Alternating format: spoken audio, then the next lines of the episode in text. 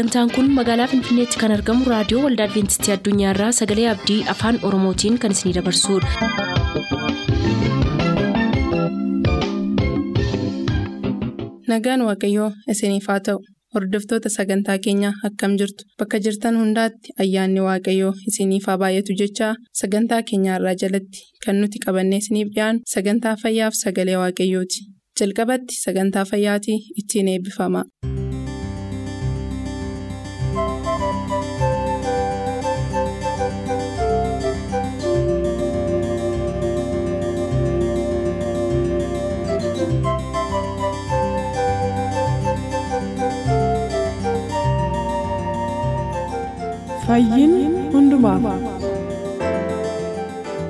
Nagaan keenya jaalalaaf kan kabajaa bakka jirtan maratti isiniif baay'atu akkam jirtu kun qophii keenya gorsa fayyaati.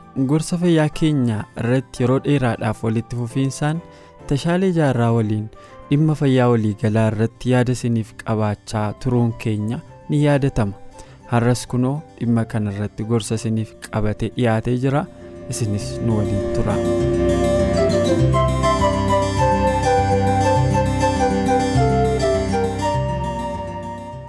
Qabiyyeen ergaa fayyaa keenya gaarii jechisiisu waan kanarratti maaltu jira? Qabiyyeen amma fakkeenyaaf barsiisi fayyaa iddoo adda addaatti barsiifama addunyaa kanarraa keenya ka gaarii jechisiisu yoo jiraatee fi wanta kanarratti waan adda isa godhu baay'ee gaafii gaariidha galatoomii. Isa duraa irratti. Dhaggeeffattoonni keenya akka hubatan kan barbaadu faayidaan waaqayyo nurraa barbaadu akkasuma ergaa fayyaa nuu kenne isa duratti dubbanne irratti kitaaba qulqulluu keessaallee hubannoota akka qabaatanii tokkoffaan mana kadhaa ofii qulqulleessuu barbaada lammaffaan dhiphinna jiru isaa maariffaan siqaayii jennu kana rakkoo biyya lafaa dhibee irraa ka'e. gidiraa uummata irra dhufaaru kana mala ittiin hir'atan ittiin hir'atu. Akkaataa ittiin fayyan akkaataa ittiin of eeggatan akkaataa ittiin bakka deebifatan akkaataa ittiin waggaa dheeraa rakkoo malee haga biyyi lafaa kun jirtu jiraatan gidiraa malee jiraatan himeera jechuudha. Isaan lamaan kanarratti matsaafa yohannisii wangeela yohannisii kudhaniif kudhan irratti waan jedhee dubbatu jira. Anooka dhufeefi maaliidhaaf nagaa isinii kennuuf fayyaa guutuu akka qabaattan. Isinii kennuuf fayyaa isinii kennuuf jedha. Hoolonni sirraa hafaa akka qabaataniif. Hattuun ka dhuftuufi mancaasuuf ajjeesuuf. Saamuuf jedhe.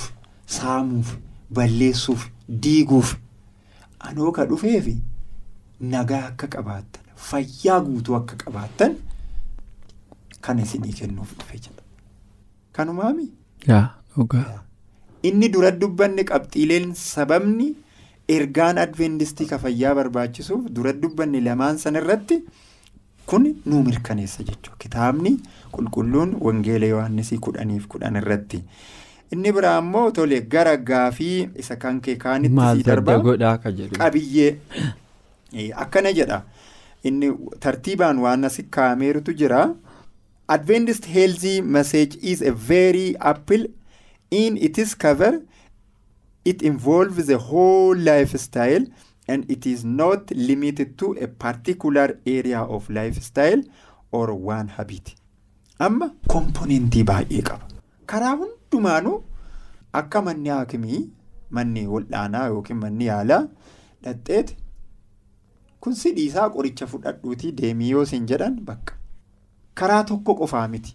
Namni wal'aansa barate tokko ija bichaa wal'aana dhume bakka. Ispeeshalaayizii ija qofa afaan qofa nafa qofa ortopeediksii jedhamaa deermaatoolojii jedhamaa optiksii jedhamaa niwuloolojistii jedhamaa peedaatirii waan akkasii akkasii qoodateetu. Waan ta'e irratti ispeeshaalaayizii goota. Inni ergaan adventistii kan fayyaa garuu hoolii ka ta'e walitti qabaa ka ta'e hoolsam yookiin ammoo appilii guddaa ka qabu kavarii baay'ee ka qabu. Akkasuma immoo laayif istaayilii hunduma piraktikaal ka ta'e. Sigalee waan dubbiftee qofaa dhiiftuu miti. Waan jireenya keetti jechuudha. kee waliin waan ta'u. Fakkeenyaaf qabiyyee isaanii kaati gaafatte keessaa the main content of the adventist health message are as follows akkas jedha hygiene and sanitation habit qulqullummaa. Amma manni yaalaa tokko yoo dhatte qorichuma sii kenna malee isa guutuu ka ta'e paakeejii sittiin kennu sittiin himu. Garuu ergaa kana keessatti guutuu ka ta'e sitti hima sababa dhibeen dhufaaruuf illee sitti hima? Furmaatallee sitti hima? Attamitti akka huleddeeffattu illee sitti hima? Attamitti akka isa qabattee deemtu illee sitti hima hunduma jalqaba amma dhuma isaa so tokkoffaan haayijiinii qulqullina fi akkasuma ammoo huleetti itti qulqulleeffannu hulee bullu hulee oollu kan qaama keenya irraa qabeet qulqullummaa qaama keenya irraa qabeet bakkee itti fayyadamnu bakkee nyaatatti godhannu bakkee itti ficcaannu bakkee itti qulqulleeffannu bakkee oollu kanneen hundumaa walitti qabee qulqullummaan baay'ee barbaachisaa akka ta'e. Achi viiktariin yookiin ammoo kooziin jalqabni dhukkubaa achi waan ta'eef. Ifaami inni tokkoffaan kana personaalan heels habiit argite? Inni lammaffaa ammoo namni hundinuu habiitii adda addaa qaba dhibee si fiduu danda'a dhibee irraa si dhogguu danda'a. Shaakalli sun. achii kaka'ee bee qarshii guddaa baaftee fayyaa kee argachuu hin dandeettu. Jireenya xiqqishuu adda jiraattee irraa kaayate jechuudha. Kanaaf kanniin irratti xiyyeeffannaa kennaa qabiyyeen adda isa godhu keessaa ergaa fayyaa kan adventistii ergaa fayyaa biraa barsiisa fayyaa ka addunyaa irraa adda ka godhu kana jechuudha. Xiyyeeffannaa habiitiin xiqqishuun wanti ati ganamaa galgala salpha jettee gootu booda keerosii guddaa kufaatii guddaa miidhaa fayyaa kan keetii mancaa fayyaa kan keetii guddaa keessa seenuu dandeetti. Saniif of eeggannaa akka gootu si godha jechuudha. Inni biraa immoo style of healing jedha. Akkaataan itti wal'aanamu kan adventistii adda adda. Akkuma gaaf duraa baranne maallaataa tarii akka firisteedii. Gargaarsa jalqabaa. Siviiri waan ta'e miidhama guddaa waan ta'e isaaf garuu hagaa fayyaan kee uf argitee bakka deebi'uuf haga ati wayyattuu fi wantoonni barbaachisu yaallisii kennamuu danda'a. Garuu achiin booda haaluma jiruuf jireenyaa waan midhaasitu jechuudha. Waanuma ati qajeelchitee huleddeeffattu fayyaan kan kee jechuudha. Inni biraa immoo paabliik heels ishuu isaa Fayyaa hawaasummaa. kan gorsaa qulqullina naannoo akkasuma ammoo jiruuf jireenya keessan midhaafannaa waan jedhamu daataa hojjechuudhaan pirivilaansiin dhukkubni kun eessatti eessatti baay'ataara? Koomanii ka ta'e eessatti? Maaf baay'ateera? Sarvee hojjechuun wantoota saniif deebii gahaa ta'e deebii haga dhumaa sasteenii ka ta'e. Waan itti fufiinsa qabu deebii kennuu bakka san dhaqanii jechuudha. Akka mootummaatti akka uummataatittis akkuma gargaarsa jaarmiyaatiif jechuudha.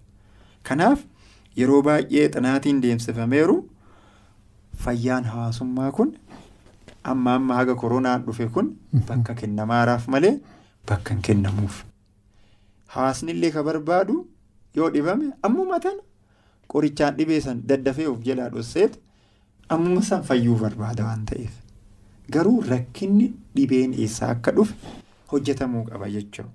Kunniin kunniin maal godhaa? Ergaa fayyaa adventistii baay'ee adda godha. Isaan keessaa fakkeenyaaf namni hundinuu ufii ufiitii uf yaaluu uf wal'aanuu ka danda'u tokkoffaan ministry of healing tajaajila fayyisuu ka jedhu irratti fuula dhibba tokkoof 27 irratti isaa sirna fayyaa saddeettan san tuqee asirratti ibseera. Tokkoffaan qilleensa gaarii bishaan aduu ifa aduu jechuun sochii qaamaa boqannaa mataa ofii bituu akkasuma ammoo nyaata fayya qabeessa heelzii fuud yookiin nutirisheenis ta'e jechuudha. Inni biraanni saddeetaffaan waaqayyotti amanu. Kunniin kunniin eenyullee namni diqqaa guddaan beekuu qofaan barachuu qofaan piraaktisii godhuu ka danda'u jechuudha. Fayyaa ofii ittiin eeggachuu ka danda'u. Qilleensa hin bitu. Bishaan amma yoo ta'e malee bishaan hin bitu. Ho'isee danfisee dhuguu hin danda'a. Qilleensa hin bitu. Aduu hin bitu. Biyya hundumaa keessaa biyyi kun Itoophiyaan ji'a kudha sadii aduu argatti. Garuu hin ho'ifannuyyuu. Hin ho'ifannu. Ittiin fayyadamu. Uduu ka bitamuuti akkasuma ammoo hara baafachuu biyyi biraa hara baafachuu hin qabu. Boqonnaa. Eessaa fuudhee hin qabu. Garuu nu hara baafachuu hin dandeenye. Sammuu keenyaan illee qaama keenyaan sirriitti hara baafachuu hin dandeenye. Sochii qaamaa pilaanii godhannee hojjechuu hin dandeenye. Mataa keenya bituu hin dandeenye. Nyaata fayya qabeessa diqqaa ta'ee guddaa fayyadamuu hin dandeenye. Waaqayyotti amanuu hin dandeenye. Kun barachuun eenyullee indivijuwaalii waan godhamuu danda'u jechuudha. Sirna fayyaa hawaasummaa dhimma fayyaa hawaasummaa keessaa isaan kunniin baay'ee barbaachisan. Kanaafuu wantoonni kun guddisee barbaachisaa akka ta'e asirratti kaa'a jechuudha. Egaa jaallatamoo dhaggeeffattoota keenyaa ergaa kanarraa barnoota hedduu akka argattan abdii guddaan qabaa turtiin waliin qabaattaniif hedduu isin galateeffachaa kanarraaf jenne asirratti yoo goolabnu hamma sagantaa ittaanutti asumaan nagaan nuuf tura turtii gaarii.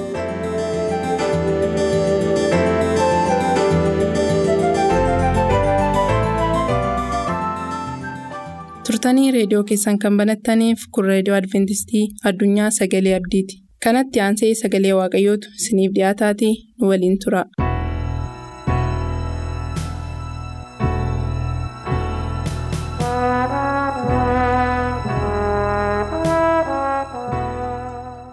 kabajamoof jaallatamoo hordoftoota sagalee abdii akkam jirtu nagaa keessanii inni abdii bara baraa.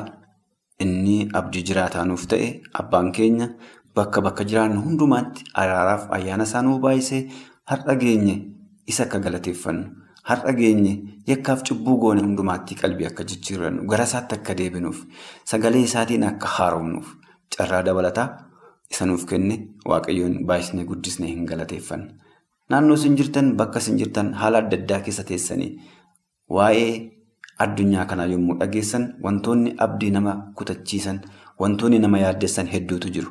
Kana hundumaa keessatti garuu waaqayyo nuuf abdii bara baraa nuuf ta'e har'a geenye akka sagalee isaa dhageenyu nu taasiseera.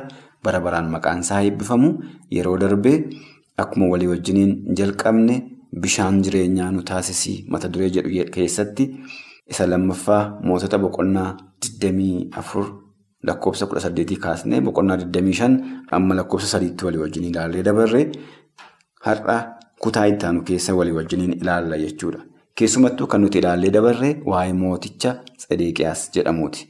Mee gara sagalee waaqayyoo kana keessaa walii wajjiniin ilaaluu osoo hin darbin bakkuma bakka jirrutti ulfina waaqayyootiif mataa keenya gadi qabannee waaqayyoon haa kadhannu. Si galateeffanna ulfina siif laanna si kabajna. Ati waaqa amanamaa waaqa guddaa waaqa bara baraati waan ta'eef kabajamuun ulfinni yeroo hundumaa siif mala waaqa irratti lafa irratti bara baraan maqaan kee eebbifamu. Ammoo isa jiraataa isa ulfina qabeessaaf guddaa ta'e fuula kee dura jirra maquma gooftaa yesuusin ati akka keenya cubbuu keenya daddarbaa keenya hundumaa nuuf dhiisi. Bakka jiraannu hundumaatti harka diinota keenyaatti dabarsitee ati nuun kennan. Bakka jiraannu hundumaatti ati soogidda nu taasisi.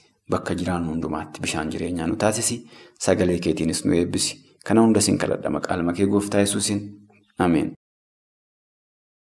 Egaan yeroo darbe maal ilaallee mootichi Tsedeqiyaan akkaataa kamiin mandarri Yerusaalem mandaraan Yihudaa akkaataa isheen ittiin marfamtee agarreerra. Lakkoofsa ittaanu keessatti har'a kan nuti ilaallu mootichi Tsedeqiyaan kun yommuu inni harka diinota isaatii keessatti kufe agarra jechuudha.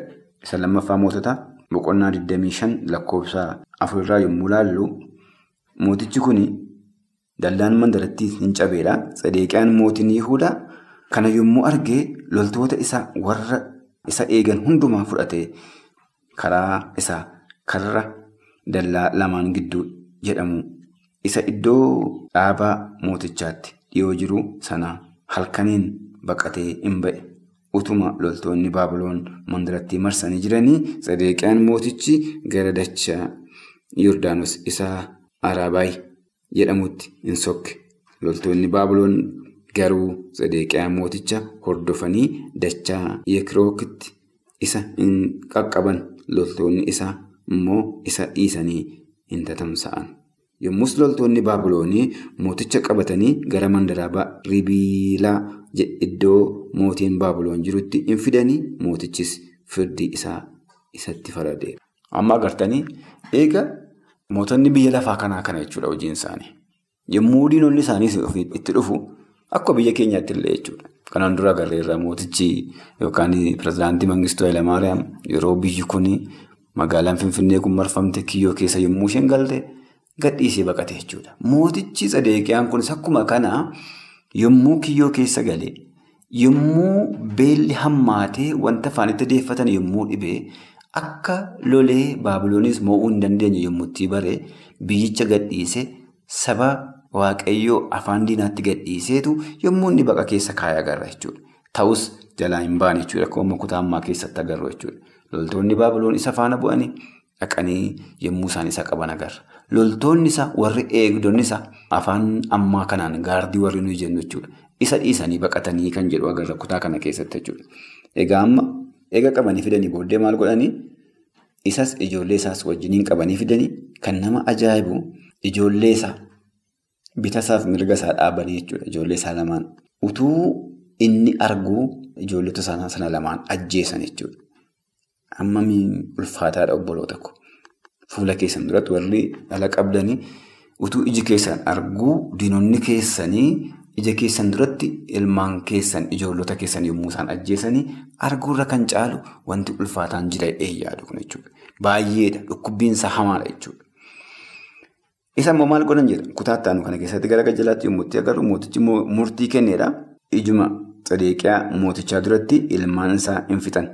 Isa immoo ija isaa keessaa baasanii funyoo sibiilaa boorrajjiitiin isa hidhaniitu gara biyya Baabiloonitti isa geessanidha. Akka ulfaataadha. Boqonnaa 25 lakkoofsa torbarraa argattu jechuudha. Ijoollota isaa lamaan eega isa biratti ajjeesanii booddee isa immoo ija isaa lamaan keessaa baasaniitu funyoo sibiilaatiin hidhanii jedha.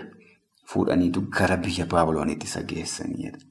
Warri Baabiloon kun egaa yeroo sana magaalaa Yerusaalemiin mandara Yihudaa hundumaa akka isheen hin jirre godhan jechuudha. Maal godhan?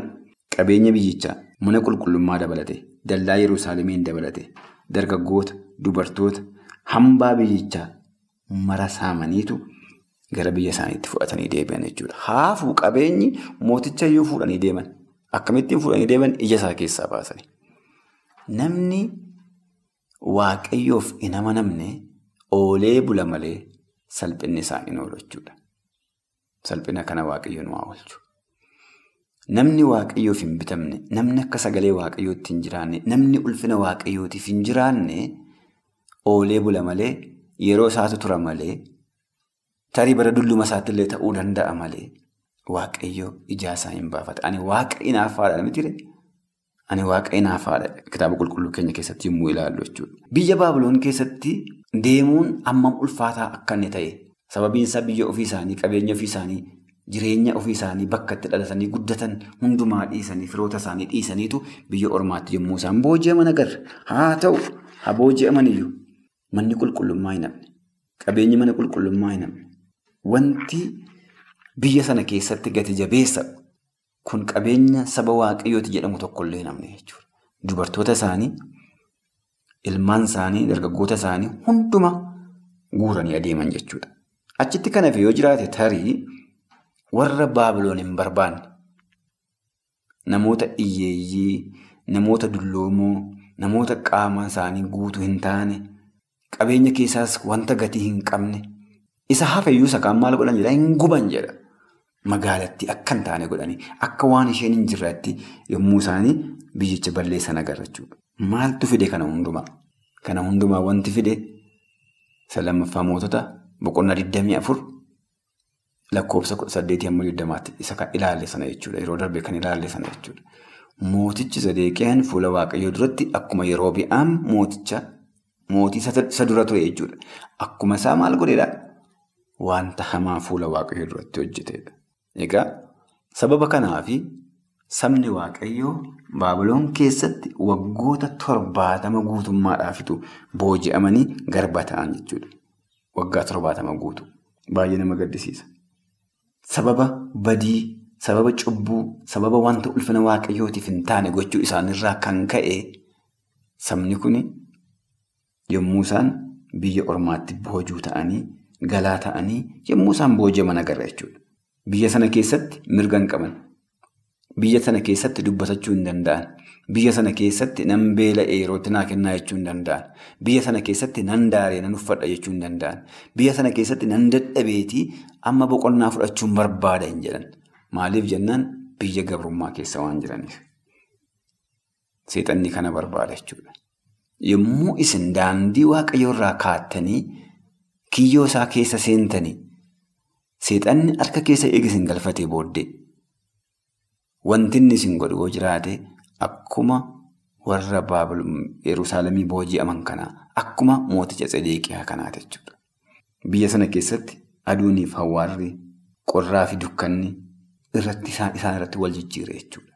Akkuma yommuu Israa'el biyya Gibxii turte akkuma kana yeroo Baabiloonitti booji'amanis dhiibbaa wal fakkaataatu isaanirra ture jechuudha.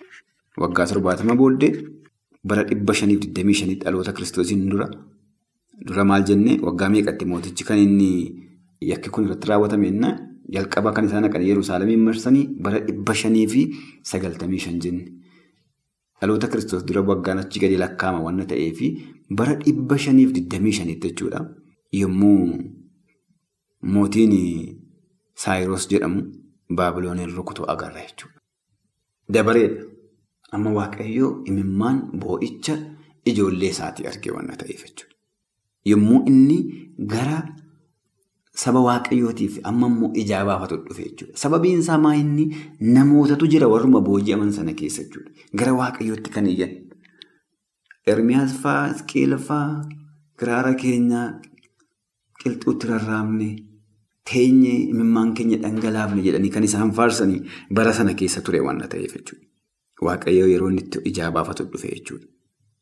Yeroo itti aanutti maaltu ta'e sana booddee akkamittiinitu waaqayyo ijaa baafate sabni sun biyya isaaniitti hin deebi'amoo hin deebi'u moo hin deebi'anii mootiin saariyoos kun inni dhufee yerusaalemiin rukute kun hin mo'e hin mo'ame kan jedhu walii wajjiniin bal'inaan ilaalla jechuudha. Ammasitti waa'ee mootota kanaa haasa'u qofa osoo hin taane jireenya keenya wajjiniin wal bira qabnee ilaaluun barbaachisaadha.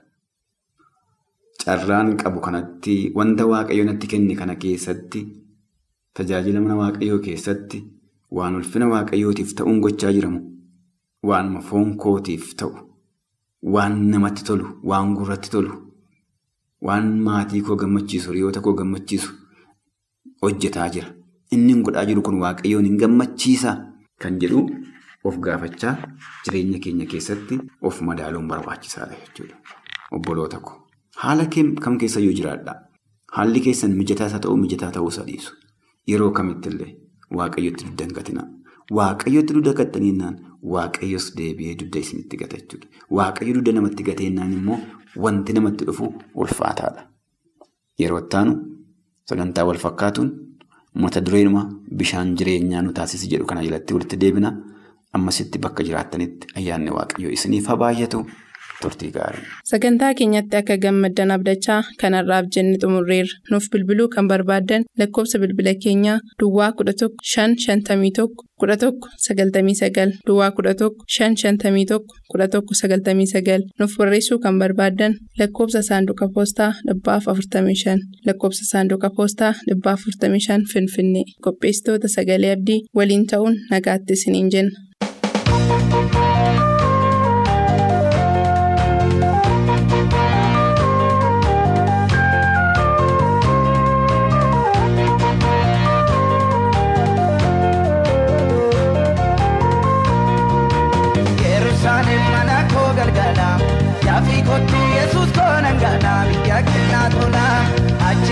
verdad.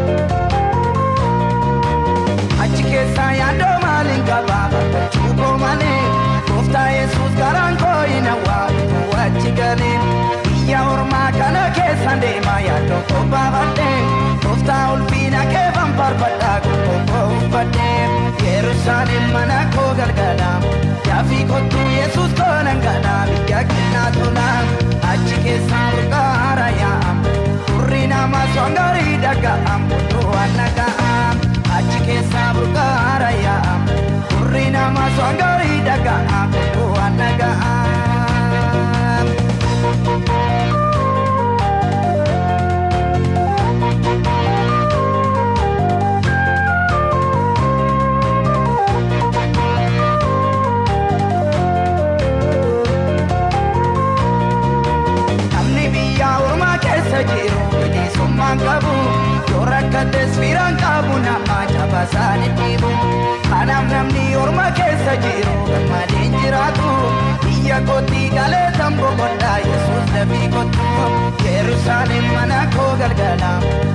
kottu yesus toonan gadhaa biyya kennaa tola achi keessaa murtaara yaa'amu furrii namaas waan gaarii dhaga'amu duwwaan naga'amu achi keessaa murtaara yaa'amu furrii namaas waan gaarii.